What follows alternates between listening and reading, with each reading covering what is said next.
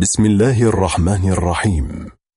نرفع آيات العزاء لمقام صاحب العصر وولي الأمر عجل الله فرجه الشريف في مصاب جده الإمام الحسين عليه السلام. ماذا قدم الإمام علي عليه السلام من عطاء للمجتمع الإنساني؟ نقدم لكم محاضرة سماحة الحجة السيد منير الخباز دام عطاؤه في الليلة الخامسة. من شهر محرم الحرام لعام 1442 للهجرة النبوية بعنوان دولة الأمة في الخلافة العلوية وذلك في حسينية السنان بالقطيف. صلى الله وسلم عليك يا رسول الله وعلى أهل بيتك. المنتجبين يا ليتنا كنا معكم فنفوز فوزا عظيما. أعوذ بالله من الشيطان الغوي الرجيم. بسم الله الرحمن الرحيم. أطيعوا الله وأطيعوا الرسول وأولي الأمر منكم. فإن تنازعتم في شيء فردوه إلى الله والرسول. آمنا بالله صدق الله العلي العظيم.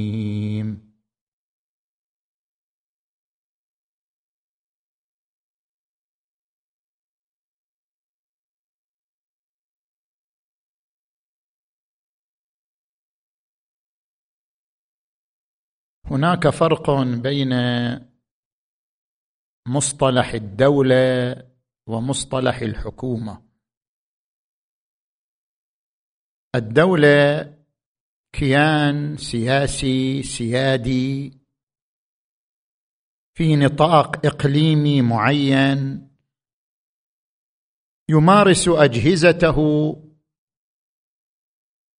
في ظل الاعتراف الدولي بسيادته وشخصيته القانونية. كأن يقال المملكة العربية السعودية الكويت سلطنة عمان دولة كيان سيادي. أما الحكومة فهي جزء من الدولة لأن الحكومة هي سلطة من سلطات الدولة.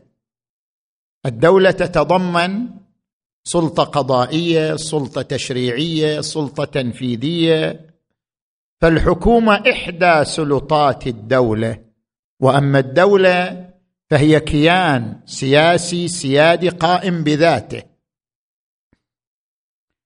ولكن نحن عندما نتحدث عن مصطلح الدولة المدنية أو دولة الأمة فإننا نقصد بهذا المصطلح هو السلطة دولة الأمة يعني السلطة القائمة على إرادة الأمة. الدولة المدنية يعني السلطة القائمة على الإرادة المجتمعية. وحديثنا في هذا الإطار في ثلاثة محاور. تاريخ مفهوم الدولة المدنية. الدولة المدنية ودولة الأمة الالتقاء والإفتراق. مبادئ الدولتين في الخلافة العلوية للإمام أمير المؤمنين علي عليه السلام. نجي الآن إلى المحور الأول تاريخ مفهوم الدولة المدنية. الدكتور أحمد بوعشرين الأنصاري له دراسة مفهوم الدولة المدنية في الفكر الغربي والإسلامي. هذه الدراسة نشرها المركز العربي للأبحاث ودراسة السياسات. في هذا الكتاب يذكر لنا تاريخ مفهوم الدولة المدنية. الدولة مرت بمراحل أربع. المرحلة الأولى التأسيس للسلطة المطلقة باسم الدين وهو ما مارسته الكنيسة في أوروبا ونظر له جان بودان في كتابه كتب الجمهورية الستة. المرحلة الثانية مرحلة السلطة المطلقة ولكن اعتمادا على العقد الاجتماعي. بقيت السلطة مطلقة ولكنها استندت للعقد الاجتماعي. وهو ما نظر له هوبز في القرن السابع عشر. المرحلة الثالثة التأسيس لسلطة مقيدة. وليست مطلقة. وهذا ما نظر له جان لوك في القرن السابع عشر والقرن الثامن عشر.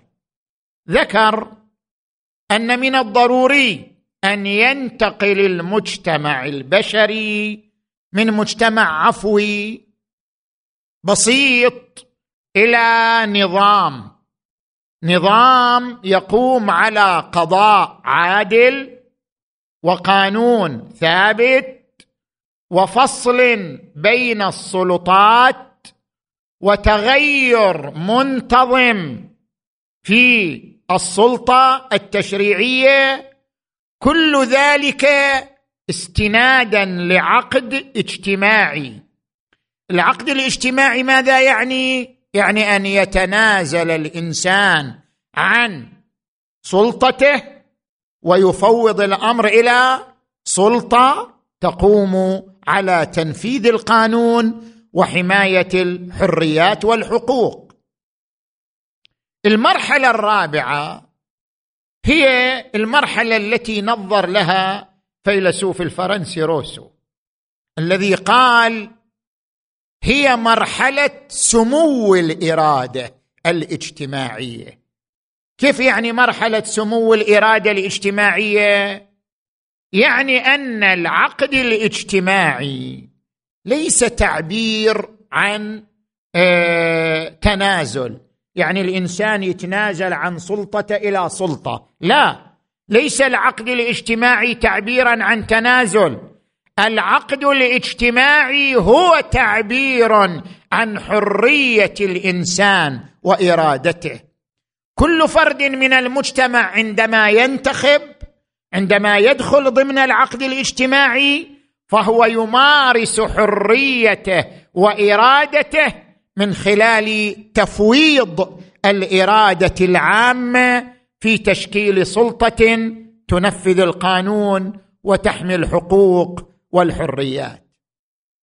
في زمن روسو بذرت بذرة الدولة المدنية وتطورت بعد تطور دستور الولايات المتحدة الأمريكية تطورت الدولة المدنية. زين؟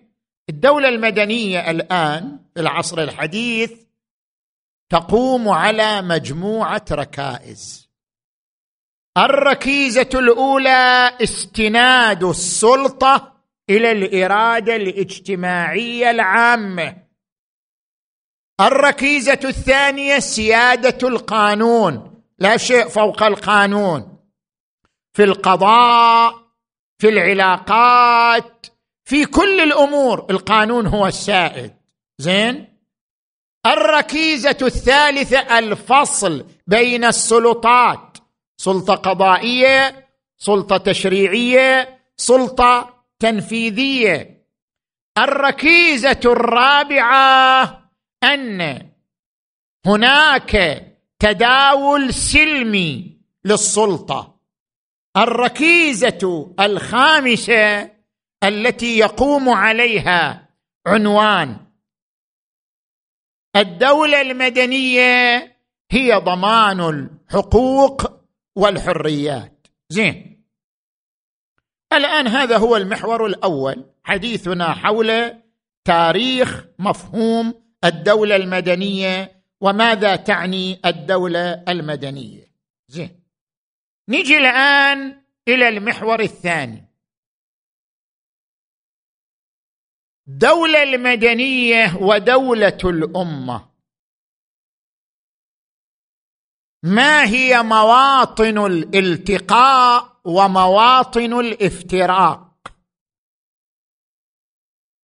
حتى نبحث هذا الموضوع نذكر هنا نقطتين. النقطة الأولى في تاريخ دولة الأمة.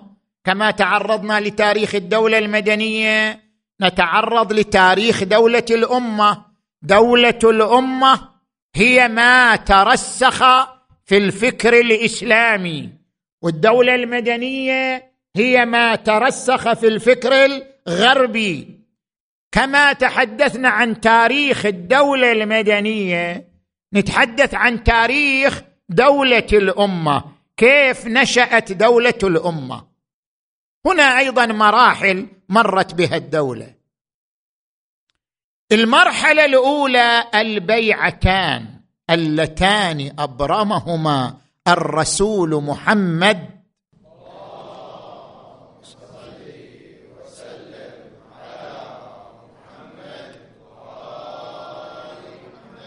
في العقبه وفي بيعة الرضوان في العام العاشر من النبوة وفي العام الثاني عشر من النبوة أبرم الرسول بيعتين.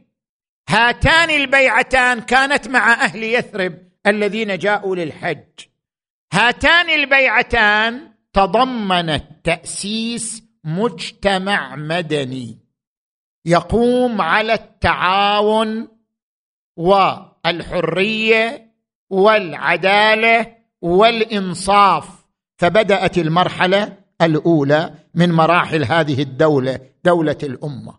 المرحلة الثانية عندما وصل النبي المصطفى صلى الله عليه وآله إلى المدينة أول عمل قام به حتى يرسخ دولة الأمة عقد المؤاخاة بين المهاجرين والأنصار. عقد المؤاخاة آخى بين كل مهاجر وأنصاري ثم آخى بينه وبين علي بن أبي طالب صلوات الله عليهما وآلهما. عقد المؤاخاة. ماذا يعني؟ يعني تجسيد حي لإرادة مجتمعية اتفقت على تلاحم الطاقات تلاحم الخبرات تلاحم الجهود في بناء دولة. تستند إلى هذا التلاحم من الطاقات والخبرات والقدرات والمعلومات المتبادلة. بين أهل مكة وأهل المدينة. المسلمين من أهل المدينة. كانت هذه هي المرحلة الثانية. المرحلة الثالثة لما النبي أسس دولة وجيش ووضعت ثغور وعرفت خزينة الدولة عقد النبي عقدا بينه وبين الأنصار وهم أهل المدينة. وبين أهل الكتاب. المدينة كان فيها يهود. يهود بني قريضة يهود خيبر. كان يقطنها فئة كبيرة من اليهود. وكانت بيدهم التجارة. في ذلك الوقت بيدهم قافلة تجارية ضخمة تذهب إلى اليمن وإلى الشام وترجع بالبضائع إلى مكة والمدينة. زين؟ النبي المصطفى صلى الله عليه وآله أجرى عقدا بينه وبين الأنصار وبين اليهود. هذا اعتبر تطور واضح في دولة الأمة. وصل إليه النبي صلى الله عليه وآله. تضمن هذا العقد قيام الدولة. قيام الدولة على أي أسس؟ الاساس الأول أن المواطنه ليست على أساس ديني. اليهودي مواطن المسيحي مواطن المسلم مواطن. المواطنه ليست على أساس ديني وإنما على أساس السلم. ما دام الإنسان مسالما فهو شنو؟ فهو مواطن. زين.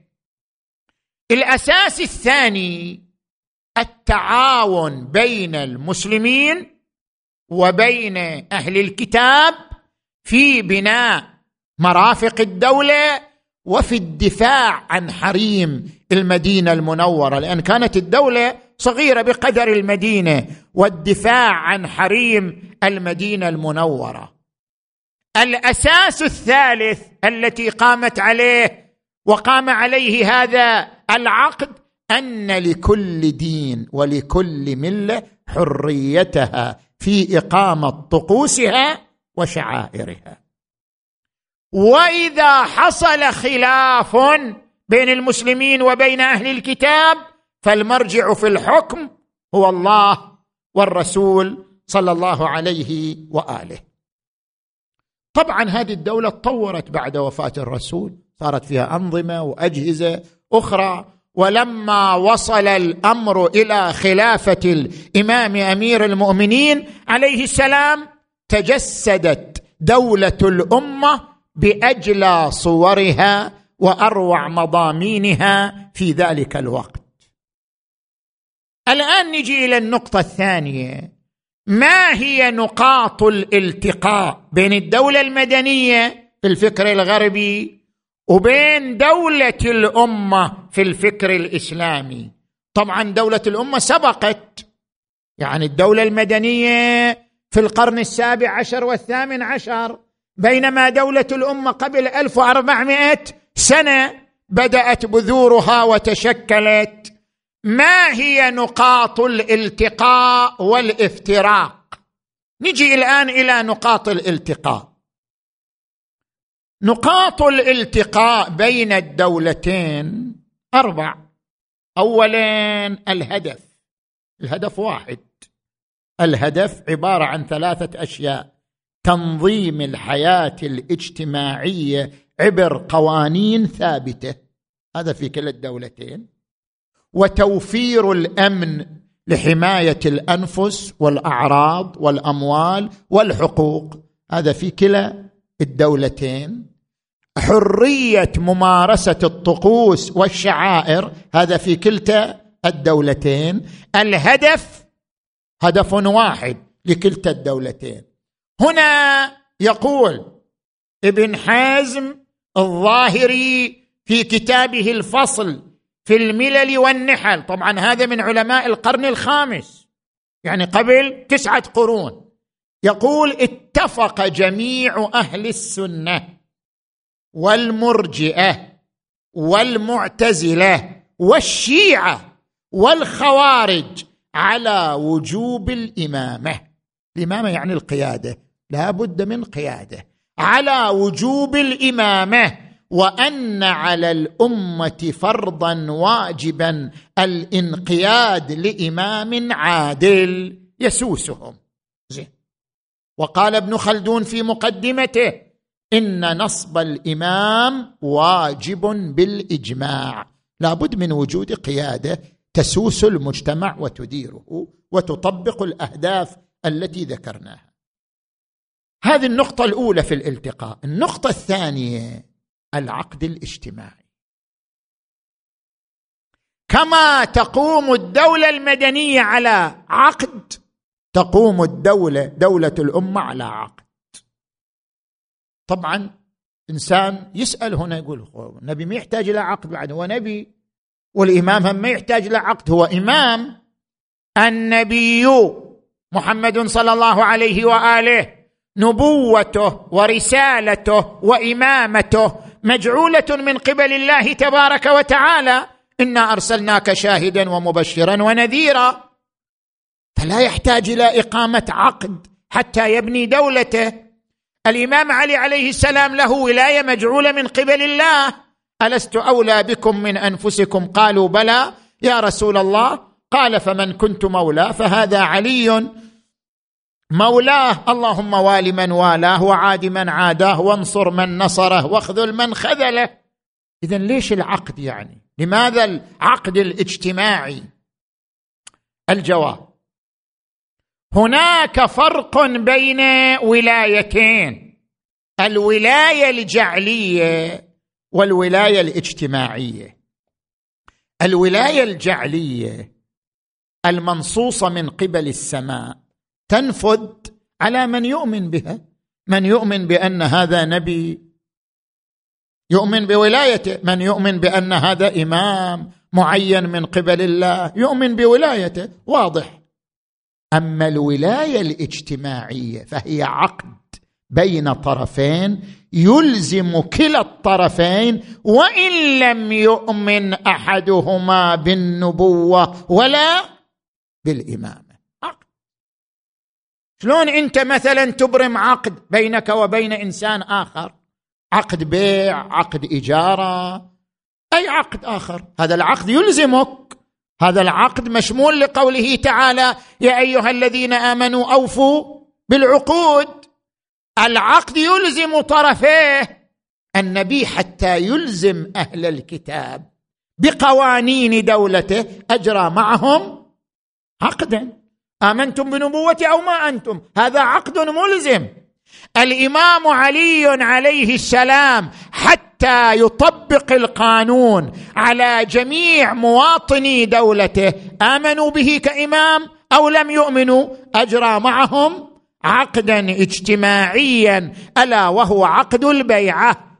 فاذا العقد الاجتماعي عقد البيعة. قام به الرسول وقام به الإمام علي انطلاقا من تحقيق ولاية عقلائية اجتماعية تنفذ حتى على من لا يؤمن بالمنصب السماوي كالنبوة والإمامة. لذلك تلاحظ الإمام علي احتج على معاوية بهذا العقد. معاوية يقول له أنا ما أؤمن بإمامتك. الإمام علي يقول له بس أكو عقد. أنا احتج عليك بهذا العقد. أما بعد فقد بايعني الذين بايعوا أبا بكر وعمر على ما بايعوهم عليه. وانما الشورى للمهاجرين والأنصار. شورى يعني هذا عقد البيعة. وانما الشورى للمهاجرين والأنصار. فإذا اجتمعوا على رجل وسموه إماما كان لله فيه رضا ولم يكن للشاهد أن يختار ولا للغائب أن يرد. خلاص هذا عقد انتهى ملزم لجميع الأطراف. زين. فاذا النقطة الثانية التي تلتقي فيها الدولتان هذا العقد الاجتماعي. النقطة الثالثة أن الحاكمية للعدالة وسيادة القانون. هذا تؤمن به جميع الدول جميع الملل جميع المجتمعات المدنية. الحاكمية للعدالة وسيادة القانون. وين مواطن الافتراق؟ عندنا ثلاثة فوارق بين الدولتين. الفارق الأول كلاهما يؤمن بسيادة القانون. بس يا قانون. كلاهما يؤمن بسيادة القانون لكن المرجعية العليا للقانون في الدولة المدنية هي ما ذكرته ما ذكره التيار العلماني فصل الدين عن الدولة. الدين ما يحكم قانون الدين ما يحكم. فالمرجعية العليا للقانون الوضعي. بينما المرجعية العليا في دولة الأمة في التاريخ الإسلامي قائمة على الخطوط العامة المستفادة من الكتاب والسنة. هذا الفارق الأول. الفارق الثاني أن كلتا الدولتين تعتمد على رقابة الأمة ومحاسبة الأمة. كما أن الدولة المدنية تعطي المجتمع حقا في الرقابة عليها ومحاسبة وزرائها. زين؟ والمطالبة بعزم بعزل الفاسد منهم. الدولة المدنية تعطي هذا الحق. دولة الأمة أيضا تعطي هذا الحق للأمة للمجتمع. شنو الفرق إذن؟ الفرق أنه في الدولة المدنية الرقابة والمحاسبة حق. يمكن أن يتنازل عنه المجتمع. هو حق من حقوقه يمكن أن يتنازل عنه. بينما في الدولة دولة الأمة واجب وليس حق. يعني ما يقدر المجتمع يتنازل عنه. يجب على المجتمع أن يقوم بدوره في الرقابة والمحاسبة. واجب أصلا مو حق حتى يتنازل عنه المجتمع واجب. يجب على المجتمع الإسلامي في دولة الأمة القيام شنو؟ القيام بموقع المراقبة والمحاسبة. وكذلك جعلناكم أمة وسطا لتكونوا شهداء على الناس ويكون الرسول عليكم شهيدا. وقال تعالى كنتم خير أمة أخرجت للناس تأمرون بالمعروف وتنهون عن المنكر. وقال تعالى ولتكن منكم أمة يدعون إلى الخير ويأمرون بالمعروف وينهون عن المنكر. مو مسألة حق واجب. هنا نقطة فكرية جميلة. ذكرها السيد الشهيد السعيد سيد محمد باقر الصدر في قدس سره في كتابه الأئمة تنوع أدوار ووحدة هدف. هنا دوران دور لرأس السلطة وهو المعصوم القيادة. دور للأمة نفسها وهي الرقابة والمحاسبة. على أي أساس تم توزيع هذه الأدوار؟ على أساس العصمة والطاقة الحرارية. هو يعبر الطاقة الحرارية. يعني شنو العصمة والطاقة الحرارية؟ يقول كل اتجاه عقائدي كل اتجاه عقائدي على الأرض يؤمن بالعصمة. مو بس الإسلام. كل اتجاه عقائدي يؤمن بأن تكون قيادته لإنسان معصوم. شنو معنى هذا الكلام؟ يقول لك لأن شنو معنى العصمة؟ الآن إذا عندنا اتجاه عقائدي هذا الاتجاه العقائدي يريد أن يصوغ المجتمع البشري على طبق عقيدته لأنه اتجاه عقائدي بعد. فهو يريد أن يصوغ المجتمع البشري على طبق عقيدته. لا يمكن له أن يصل إلى هذا الإنجاز وينجح فيه وهو صياغة المجتمع البشري على طبق عقيدته إلا إذا كانت قيادته يعني قيادة هذا الاتجاه قيادة منصهرة بمبادئه وقيمه روحا وفكرا وسلوكا وهذا الانصهار هو العصمة. عندما نقول عصمة يعني انصهار ما نقصد شيء غير هذا. الآن مثلا تجي إلى الاتجاه الماركسي. طبعا في فرق بين الاتجاه الماركسي والاتجاه الرأسمالي. الاتجاه الرأسمالي مو عقائدي. اتجاه الرأسمالي هو اتجاه اقتصادي مذهب اقتصادي. بينما الاتجاه الماركسي اتجاه عقائدي عنده فلسفة للكون وفلسفة للمجتمع وعنده مقاطع فكرية ومعتقدات مو يعني اتجاه فارغ. زين. الاتجاه الماركسي كاتجاه عقائدي حاول أن يصوغ المجتمع البشري على طبق معتقداته. لا يمكن أن يتحقق له هذا الإنجاز ما لم يمتلك قيادة منصهرة في مبادئ هذا الاتجاه. روحا وفكرا وسلوكا. وهذا الانصهار هو ما نسميه شنو؟ بالعصمه إحنا كذلك اتجاه عقائدي. الإسلام اتجاه عقائدي. الإسلام جاء ليغير المجتمع. الإسلام جاء ليبعث من المجتمع البشري مجتمعا موحدا. لا يمكن أن يصل الإسلام إلى هذا الإنجاز ما لم تكن قيادته قيادة منصهرة بالإسلام ومبادئه روحا وفكرا وسلوكا. وهذا الانصهار هو عبارة عن العصمة. اذا لابد أن تكون القيادة معصومة. وبما أن الرأس الهرم معصوم فله دور القيادة. بينما الأمة الأمة ما تمتلك عصمة. الأمة تمتلك طاقة حرارية يعني تفاعل مع المبادئ.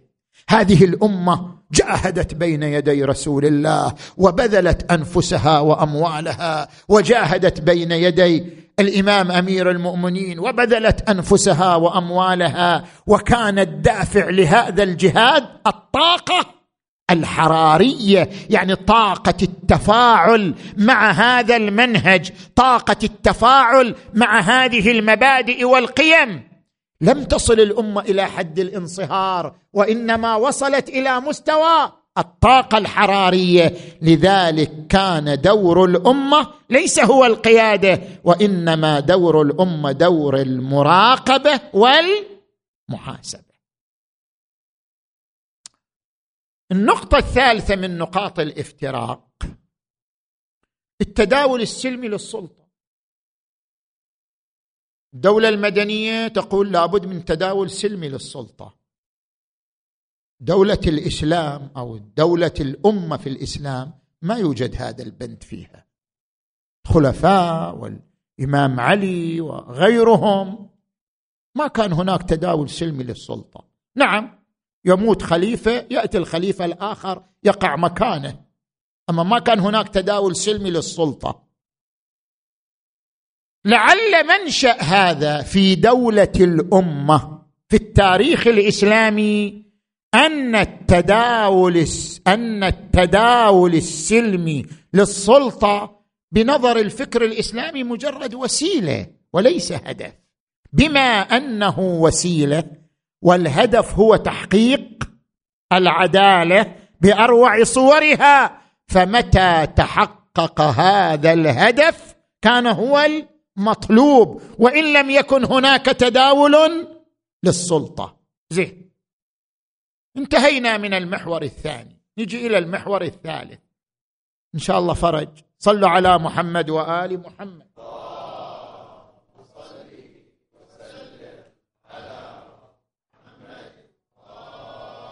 والله نفعتنا بهالصوت صوتك يعني زين يحرك المكان. إي جزاك الله خير. المحور الثالث مبادئ الدولتين في الخلافة العلوية خلافة الإمام أمير المؤمنين علي عليه السلام. من الطبيعي أن النبي لم يتمكن من إقامة دولة السماء ولا الامام علي. يعني الدولة اللي أقامها الرسول والإمام علي مو هي الدولة دولة السماء بكامل تفاصيلها. لا. دولة السماء تحدث عنها القرآن يقول هو الذي أرسل رسوله بالهدى ودين الحق ليظهره هذا ما حصل في دولة الرسول ولا دولة علي ليظهره على الدين كله ولو كره المشركون. دولة السماء هي التي قال عنها القرآن الكريم ونريد أن نمن على الذين استضعفوا في الأرض ونجعلهم أئمة ونجعلهم الوارثين. لم يرثوا الأرض إلى الآن. اذا الدولة التي أقامها رسول الله والإمام علي صلوات الله عليهما وآلهما مبادئ دولة الأمة. مجموعة من المبادئ. مبادئ دولة الأمة. مبادئ دولة الإنسان ودولة الإسلام. دولة الإنسان ودولة السماء. مجموعة من المبادئ بمقدار ما سمحت الظروف بمقدار ما أوتوا من طاقة بشرية تساعدهم على إقامته مجموعة من المبادئ جسدها الرسول والإمام علي بمستوى الظروف الاستثنائية التي عاش فيها الرسول والإمام علي صلوات الله عليهما وآلهما. وهذا ما عبر عنه الإمام علي عندما قال لولا حضور الحاضر. يعني المسألة مو بيدي الظروف مو كلها متاحة أمامي. لولا حضور الحاضر وقيام الحجة بوجود الناصر وما أخذ الله على العلماء ألا يقاروا على كظة ظالم ولا سغب مظلوم. لألقيت حبلها على غاربها. ولسقيت آخرها بكأس أولها ولألفيتم دنياكم عندي أهون من ورقة في فم جرادة تقضمها. زين. ما هي المبادئ؟ مبادئ الدولتين. دولة الإنسان دولة الأمة. دولة الإنسان دولة الإسلام. ما هي مبادئ الدولتين التي تجسدت في خلافة الإمام علي عليه السلام. نجي إلى المبدأ الأول. ألا وهو مبدأ الحرية. حرية شعار الدولة المدنية. حرية أيضا شعار في دولة الإمام علي عليه السلام. أنا نقول لك الآن يعني بحث طريف. ذكره المفكر المسيحي جورج رداق في كتابه الإمام علي صوت العدالة الاجتماعية. بحث جميل حول الحرية. ماذا يقول؟ يقول هناك فرق بين مقالتين. كلاهما عن الحرية. مقالة قالها الخليفة الثاني عمر بن الخطاب متى استعبدتم الناس وقد ولدتهم أمهم أحرارا؟ والمقالة الأخرى ما قاله الإمام علي وهو وهي لا تكن عبد غيرك وقد جعلك الله حرا. شنو الفرق بين المقالتين؟ كلتا المقالتين تتحدث عن الحرية شعار من شعارات دولة الأمة. لكن ما هو المضمون لهذه ولهذه؟ المقالة الصادرة عن الخليفة الثاني هي بند قانوني. يعني الخليفة الثاني حاكم ولي أمر المسلمين والحاكم من شانه أن يصدر قوانين أصدر بندا قانونيا لمجتمعه لا يجوز لأحد أن يستعبد انسانا آخر. ليس من حق فئة أن تستعبد فئة أخرى. متى استعبدتم الناس وقد ولدتهم أمهم أحرارا؟ هذا يسمى بند قانوني. زين؟ تجي إلى المقالة الثانية. المقالة الثانية مو بند قانوني نص حقوقي. في فرق بين القانون وبين النص الحقوقي. يعني البند القانوني هذا يرتبط بالدولة. النص الحقوقي يرتبط بالفكر بعلم الحقوق.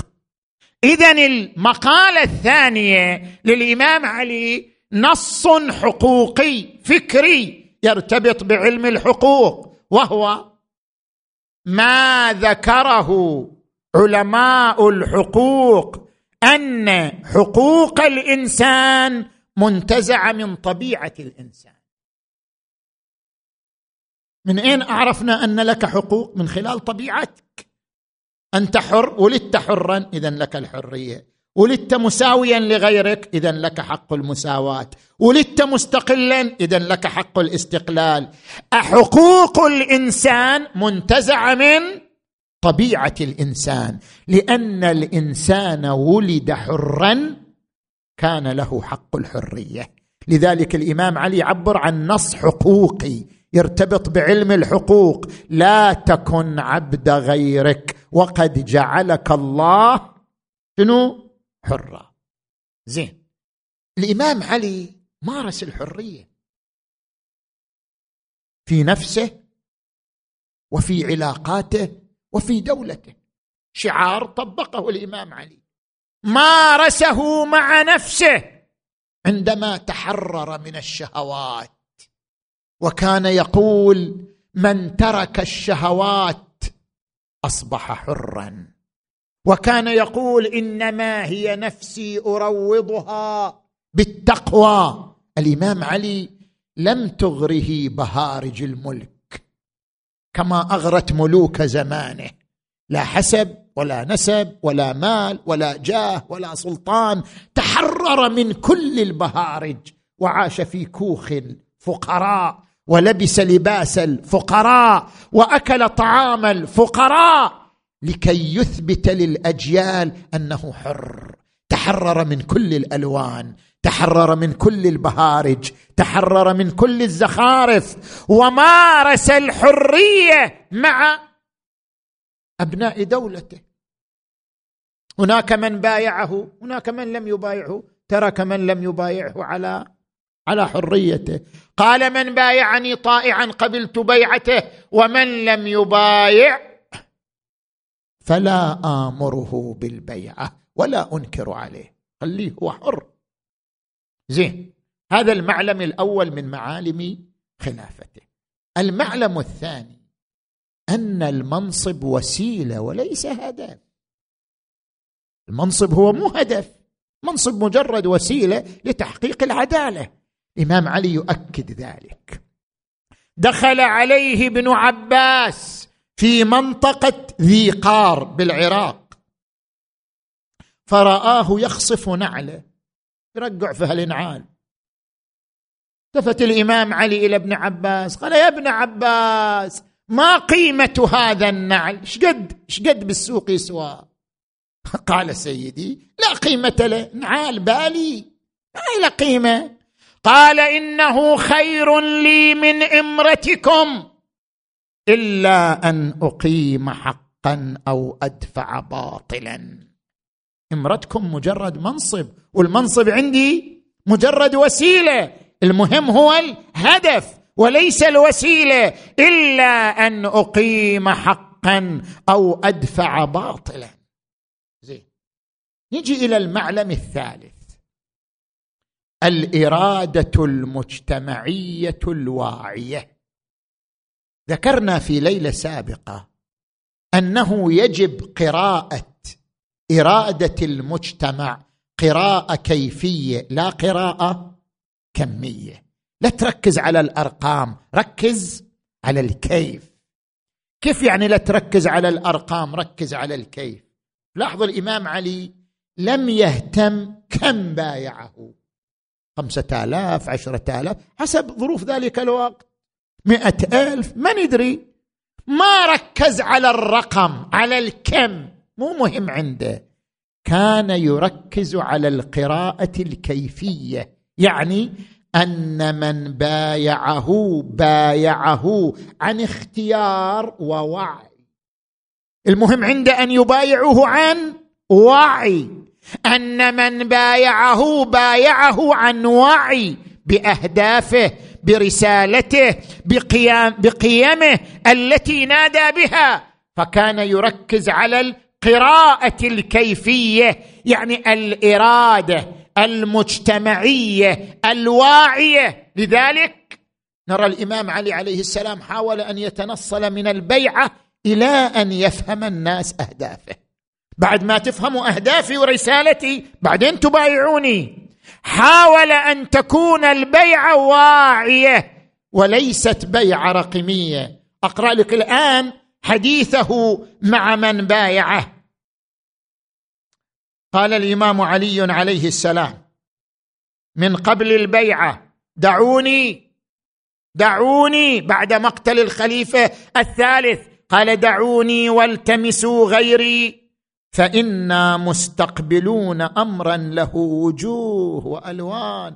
مو لبالكم القضية صافية؟ ترى بتمر عليكم ظروف. ظروف حالكة. من الحين أقول لكم ها مستقبلون أمرا له وجوه وألوان. لا تقوم له القلوب ولا تثبت عليه العقول. وإن الآفاق قد أغامت. غيوم مو واضحة القضية. وإن الافاق قد أغامت والمحج قد تنكرت. واعلموا أني إن أجبتكم ركبت بكم ما أعلم. ولم أصغ إلى قول قائل وعتب العاتب. وإن تركتموني فأنا كأحدكم. ولعلي أسمعكم وأطوعكم لمن وليتموه أمركم وأنا لكم وزير خير لكم مني. امير اذا لابد تكون البيعة بيعة واعية منكم. لابد أن تعرفوا ماذا سيحصل من مستقبل مظلم خطر. لذلك إذا تبايعوني تسيرون على طبق قيادتي. وقال عليه السلام من شاور الناس شاركهم في عقولهم وأعقل الناس من جمع عقول الناس إليه. نجي إلى الملمح أو المعلم الثالث. المعلم الرابع. التواصل مع القاعدة المجتمعية. كان كثير التواصل مع الناس. لا يغيب عنهم يوم. ولا يقطع صلاتهم. يصلي بهم. يقضي بينهم. يدخل السوق. يشتري. يذهب إلى الفقراء. تواصل اجتماعي يومي. وبشكل واضح أهدافه واضحة طريقه واضح رسالته واضحة. هذا التواصل شكل معلما مهما من معالم دولة الأمة الدولة العلوية. لاحظوا ما قال. أيها الناس إن حقا على الوالي ألا يغيره على رعيته فضل ناله ولا طول خص به وأن يزيده ما قسم الله له من نعمه دنوا من عباده. كل ما زادت النعم عندي دنوت منكم أكثر دنوا من عباده وعطفا على إخوانه. ألا وإن لكم عندي لكم حق علي. أن لا أحتجز دونكم سرا إلا في حرب ولا أطوي دونكم امرا أنا وياكم إلا في حكم ولا أؤخر لكم حقا عن محله ولا أقف به دون مقطعه وأن تكونوا عندي في الحق سواء. فإذا فعلت ذلك يعني جربوني أول شوفوا إذا أنا فعلا طبقت ما أقول أطيعوني وإلا بإمكانكم أن لا تطيعوني. فإذا فعلت ذلك وجبت لله عليكم النعمة ولي عليكم الطاعة. وإلا تنقصوا وألا تنقصوا عن دعوة ولا تفرطوا في صلاح. زين. وقال عليه السلام بعد معركة صفين أما بعد فقد جعل الله سبحانه لي عليكم حقا بولاية أمركم ولكم علي من الحق مثل الذي لي عليكم. متساويين إحنا في الحقوق فالحق أوسع الأشياء في التواصف وأضيقها في التناصف. لا يجري لأحد إلا جرى عليه ولا يجري عليه إلا جرى له. نجي إلى المعلم الخامس. نبذ الإعلام الدعائي. ما يرضى بأي إعلام دعائي؟ دولة الأمة تثبت جدارتها بنفسها بدون إعلام بدون دعايات. رفض أي إعلام دعائي يمدحه أو يثني عليه. لاحظوا هذه هذا المقطع الجميل منه.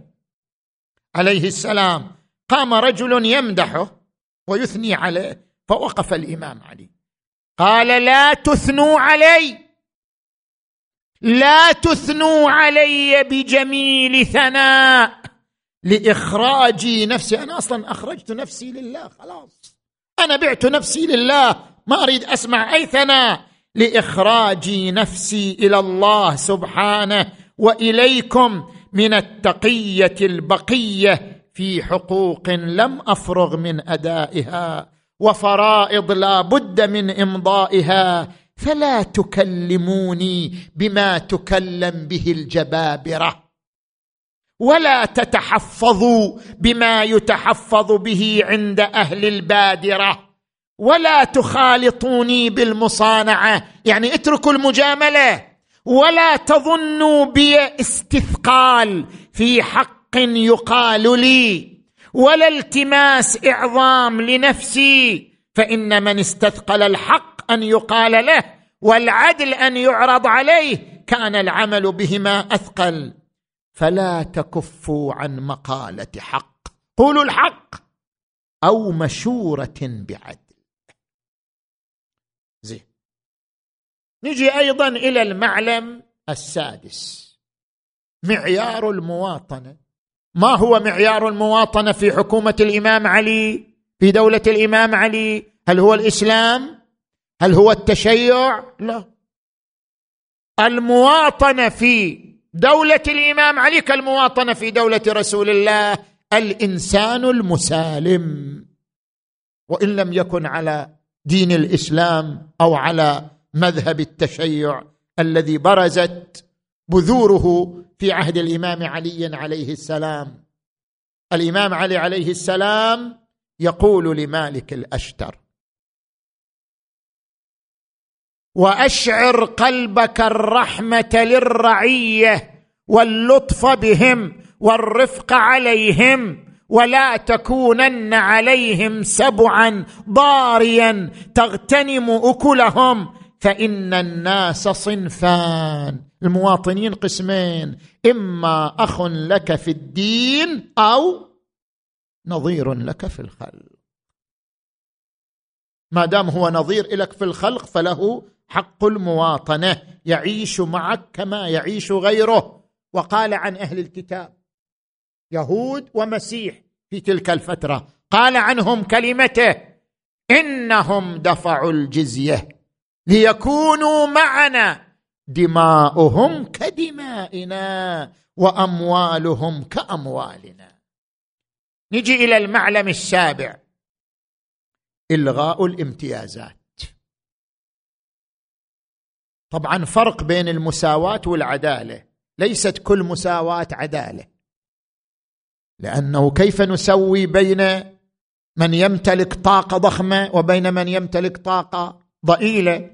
بين من ينتج وبين من لا ينتج. طبيعي لا مساواة. ليست كل مساواة عدالة وإنما الإمام علي ألغى الامتيازات انطلاقا من العدالة حيث إن هذه الامتيازات لم تكن على أساس الكفاءة ولا على أساس الإنتاج وإنما كانت على أساس الموقع الاجتماعي. قريش أفضل من غيرها المهاجرين أفضل من الأنصار الأنصار العرب أفضل من الموالي. هذه الامتيازات كلها ألغاها. فقال عليه السلام في أول خطبة خطبها بعد الخلافة أيها الناس إنما أنا رجل منكم لي ما لكم وعلي ما عليكم. ألا إن كل قطيعة أقطعها فلان وكل مال أعطاه من مال الله فهو مردود إلى بيت المال. فإن الحق لا يبطله شيء ولو وجدته قد تزوج به النساء وفرقه في البلدان وفرق في البلدان لرددته فإن في العدل سعة ومن ضاق عليه العدل فالجور عليه أضيق. زين. نجي إلى المعلم. الثامن المساواة. المساواة يعني شنو؟ مو في العطاء. المساواة أمام القانون. الكل أمام القانون؟ تواسيه لا يفضل أحد على غيره. يقول علي عليه السلام وليكن أمر الناس عندك في الحق سواء. وقال وألزم الحق من لزمه من القريب والبعيد. ولا تبغوا على أهل القبلة ولا تظلموا أهل الذمة. أذكر لك قصة طريفة جدا عن الإمام علي في المساواة. في عهد الخليفة الثاني تخاصم رجل مع الإمام علي في سلاح. جاء رجل شاف سيف الإمام علي خوش سيف. قال هذا سيفي. وصار خلاف. فتخاصم عند الخليفة الثاني. فقال الخليفة الثاني قم يا أبا الحسن وقف إلى جانب خصمك. تغير وجه الإمام عليه السلام. فقال له الخليفة الثاني أكرهت يا أبا الحسن أن تقف إلى جانب خصمك؟ قال لا يا أمير المؤمنين ما كرهت ذلك. وإنما ساءني أنك لم تسو بيني وبينه لأنك عظمتني بالكنية ولم تعظمه. لاحظ الدقة. قلت لي يا أبا الحسن وما قلت له يا أبا فلان. ناديته باسمه وناديتني بكنيتي وهذا تمييز. هذا التمييز هو الذي غير وجهي. ما كرهت ذلك وإنما اساءني أنك لم تسو بيني وبين خصمي لأنك عظمتني بالكنية ولم تكنه. إلى هذا المقدار الإمام علي عليه السلام يجسد المساواة أمام القانون. ولذلك قال للقضاه عندما ينصب قاضيا يأمره بالمساواة. مو بالمساواة في الحكم بالمساواة حتى في النظرة. يقول أيها القاضي لا تنظر إلى الخصمين بنظرة شنو؟ متفاوتة بنظرة واحدة. شوف العبارة الجميلة للإمام علي عليه السلام. يقول واخفض للرعية جناحك وابسط لهم وجهك وألن لهم جانبك واس بينهم في اللحظة والنظرة والإشارة والتحية كل مساواة حتى لا يطمع العظماء في حيفك ولا ييأس الضعفاء من عدلك. زين نجي إلى المعلم التاسع باقي معلم واحد يعني التاسع والعاشر. المعلم التاسع المحاسبة. هناك بند من بنود الدولة المدنية السلطة المس المسؤولية المحاسبة. يعني من تولى السلطة فهو مسؤول ومن كان مسؤول فهو محاسب. يعني هذه العناوين الثلاثة مترابطة سلطة مسؤولية محاسبة. هذا ما أكد عليه الإمام امير المؤمنين قبل 1400 سنة. مبدأ المحاسبه كتب إلى أحد عماله وولاته. أما بعد فقد بلغني عنك أمر إن كنت فعلته فقد أسخطت ربك وعصيت إمامك وأخزيت أمانتك. بلغني أنك جردت الأرض. يعني تأخذ بعض البساتين من الناس. جردت الأرض. فأخذت ما تحت قدميك وأكلت ما تحت يديك. فإذا وصلك كتابي فارفع إلي حسابك. أعطيني الصادر والوارد حتى أحاسبك. فارفع إلي حسابك واعلم أن حساب الله أعظم من حساب الناس.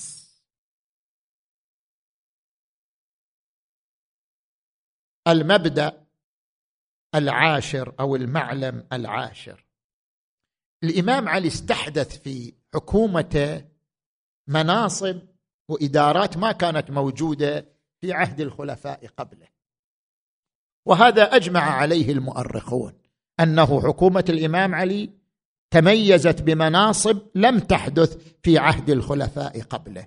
أذكرها لك. اولا شرطة. ما كان في شرطة. كان في عسس. في زمن الخليفة الثاني كان في نظام العسس. العسس مجموعة يخرجون في الليل يحيطون ببيوت المدينة حتى لا يتسلل إليها من ليس من أهلها. زين؟ طور الإمام علي خلاه نظام شرطة في زمانه حكومته. موظفين لهم راتب من بيت المال ليلا ونهارا موجودين يراقبون السوق يراقبون الثغور يراقبون البيوت يقومون بحفظ الأمن وتوفير الأمن للمجتمع. الكوفي آنذاك. زين. هذا أحدثه الإمام علي. اثنين أحدث ديوان المظالم. ما كان موجود ديوان المظالم. يعني أي شخص عنده شكوى على وزير أو على مسؤول يروح ديوان المظالم يشتكي عليه. أحدث ديوان المظالم. وعبر عنه بتعبير جميل. قال واجعل لذوي الحاجات منك قسما. قسم يعني قطعة من وقتك. تفرغ لهم فيه شخصك وتجلس لهم مجلسا عاما تتواضع فيه لله الذي خلقك وتقعد عنهم جندك وأعوانك. يعني استقبل الناس بشكل عفوي. لا حرس لا جنود. وتقعد عنهم جندك وأعوانك من أحراسك وشرطك حتى يكلمك متكلمهم غير متعتع. فإني سمعت رسول الله محمد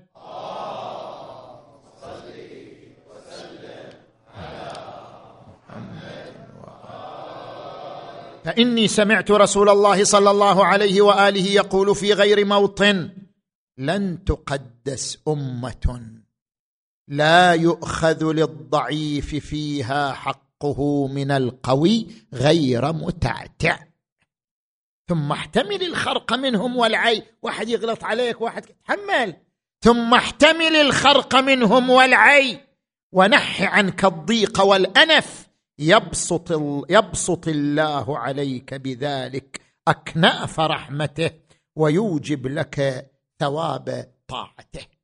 المنصب الثالث الذي أحدثه فصل بين السلطات جعل للقضاء للقضاء جماعة. جعل للولايات جماعة. فصل بين السلطات. فنظم القضاء. صار القضاء مؤسسة لها نظام. وجعل لها بنود في عهده لمالك الأشتر. فقال لمالك الأشتر اختر للحكم. حكم يعني القضاء. أفضل رعيتك في نفسك. من لا تضيق به الأمور ولا تمحكه الخصوم. أوقفهم في الشبهات آخذهم في الحجج. بعد ما يخلي القاضي بدون تأمين اقتصادي. إذا تترك القاضي بدون تأمين اقتصادي يعيش على الرشوات. صح؟ قال لا لازم تخلي له تأمين اقتصادي. قال وأعطه من المنزلة لديك ما لا يطمع فيه غيره من خاصتك. وافسح له في البذل. وافسح له في البذل ما يزيل علته وتقل معه حاجته إلى الناس والمراقبة يعني راقب قضاءه ثم أكثر أكثر تعاهد قضائه. هكذا كانت معالم دولة الأمة في الخلافة العلوية. هكذا كان التاريخ حفظ هذه المعالم المشرقة. هكذا نقلت الأجيال عدالة علي وقيم علي ومبادئ علي. وهكذا سار أبناؤه من بعده على هذه المبادئ وعلى هذه القيم فعندما كتب الحسين عليه السلام كتابه إلى أهل الكوفة قال قدمت علي كتبكم ورسائلكم ورسائلكم أن أقدم إلينا فلقد اخضر الجناب واينعت الثمار وإني إن قدمت عليكم عملت فيكم بكتاب الله. وسنة رسوله وسيرة أبي علي بن أبي طالب. هذه السيرة المشرقة وسيرة أبي علي بن أبي طالب ومضى في طريقه. لا تخافه في الله لومة لائم. وصل إليه خبر قتل مسلم بن عقيل ومن ثنى عن طريقه. قال إن رسول الله أمرني بأمر وأنا ماض فيه. وبينما هو يسير بأبي وأمي وإذا به يخفق خفقه ثم يعي فيقول إنا لله وإنا إليه راجعون. سمعت هاتفا يقول القوم يسيرون والمنايا تسير من ورائهم. قال له ولده علي الأكبر أولسنا على الحق يا أبتاه؟ قال بلى. قال إذا لا نبالي. وقعنا على الموت أم وقع علينا؟ قال جزاك الله خيرا من ولد عن والده. ثم كبر أحد أنصاره. قال لم كبرت؟ قال رأيت رؤوس النخل. قال انظروا والله ما هي بنخل. نظروا وإذا بها رؤوس الرماح وألسنة السيوف. فقال الإمام تنحوا عن جادة الطريق حتى نرى من القادم. تنحوا عن الطريق وإذا به الحر بن يزيد الرياحي. في زهاء ألف فارس وصل ووقف أمام الحسين وجها لوجه. قال الحسين ما تريد يا حر؟ قال آخذك للأمير عبيد الله بن زياد يرى فيك رأيه. قال والله لا أتبعك. قال الحر والله لا أدعك. فتدخل الأنصار بينهما فاقتنع الحر بكلامه وصلى خلفه وكانت أول خطوة من خطوات التوبة. يسير فيها الحر بن يزيد الرياحي. ثم قال أبا عبد الله خذ طريقا لا يدخلك الكوفة ولا يرجعك المدينة ليكون حجة لي. قال الحسين من يدل الطريق؟ قال الطرمه أنا أدل الطريق. أخذ بزمام ناقه أبي عبد الله. يا ناقتي لا تذعري من زجري وشمري قبل طلوع الفجر. لخير ركبان وخير سفر من هم آل رسول الله آل الفخر. أكمل الشعراء هذه هذه الأرجوزة. قالوا يا زينب الطهر وبنت الطهر. ألا استعدي لسياط. زجري وقطع كل فدفد وقفري. عظم الله أجوركم بينما هو يسير بأهله وأنصاره وإذا به وقف جواده فركب جوادا آخر وتوقف وجوادا ثالثا فلم يتحرك. قال أصحابي ما اسم هذه الأرض؟ قالوا تسمى نينوى. قال هل لها اسم غير هذا؟ قالوا تسمى وادي الفرات. قال هل لها اسم غير هذا؟ قالوا تسمى كربلاء. فحينئذ تنفس الصعداء وقال انزلوا انزلوا. ها هنا محط رحالنا. ها هنا محط رحالنا ها هنا تذبح رجالنا ها هنا تسبى نساؤنا ها هنا يصعد الشمر على صدر وحسيناه وإماماه. ساعد الله قلب النساء عندما سمعوا كلامه. وإن كان هذه كربلاء بشروا بلايا.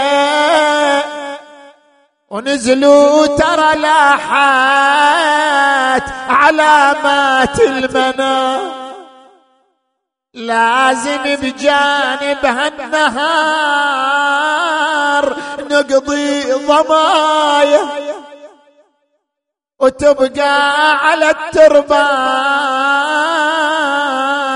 كل إحنا مطاعي.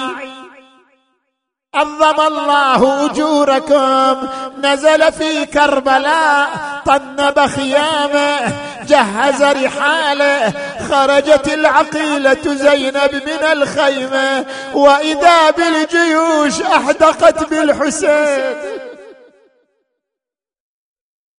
وأحاطت بهم من كل مكان أقبلت بأبي وأمي وهي تختنق بعبرتها إلى أخيها أبي الفضل العباس.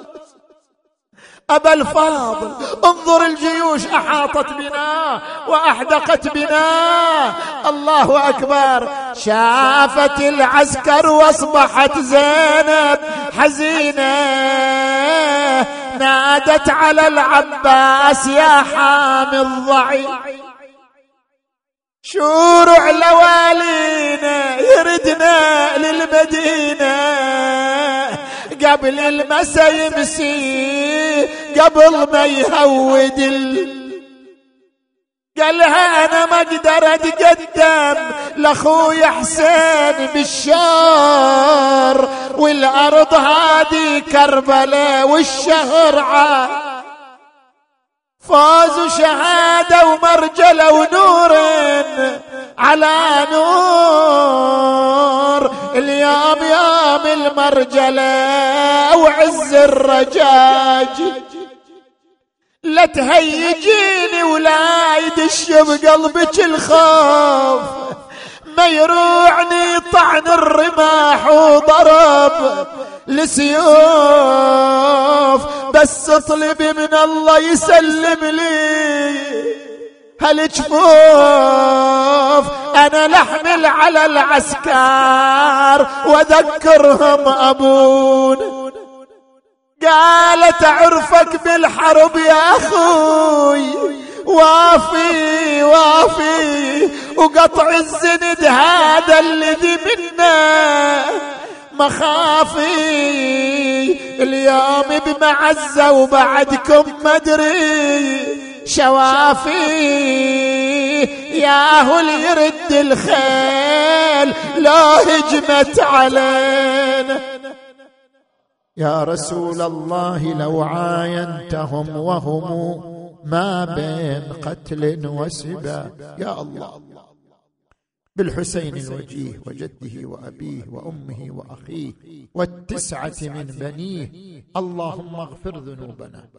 واستر عيوبنا وتقبل أعمالنا واشف مرضانا ومرضى المؤمنين والمؤمنات واقض حوائجنا وحوائجهم وفق لنا والمؤسسين والمؤمنين لما تحب وترضى اللهم كن لوليك الحجة بن الحسن صلواتك عليه وعلى آبائه.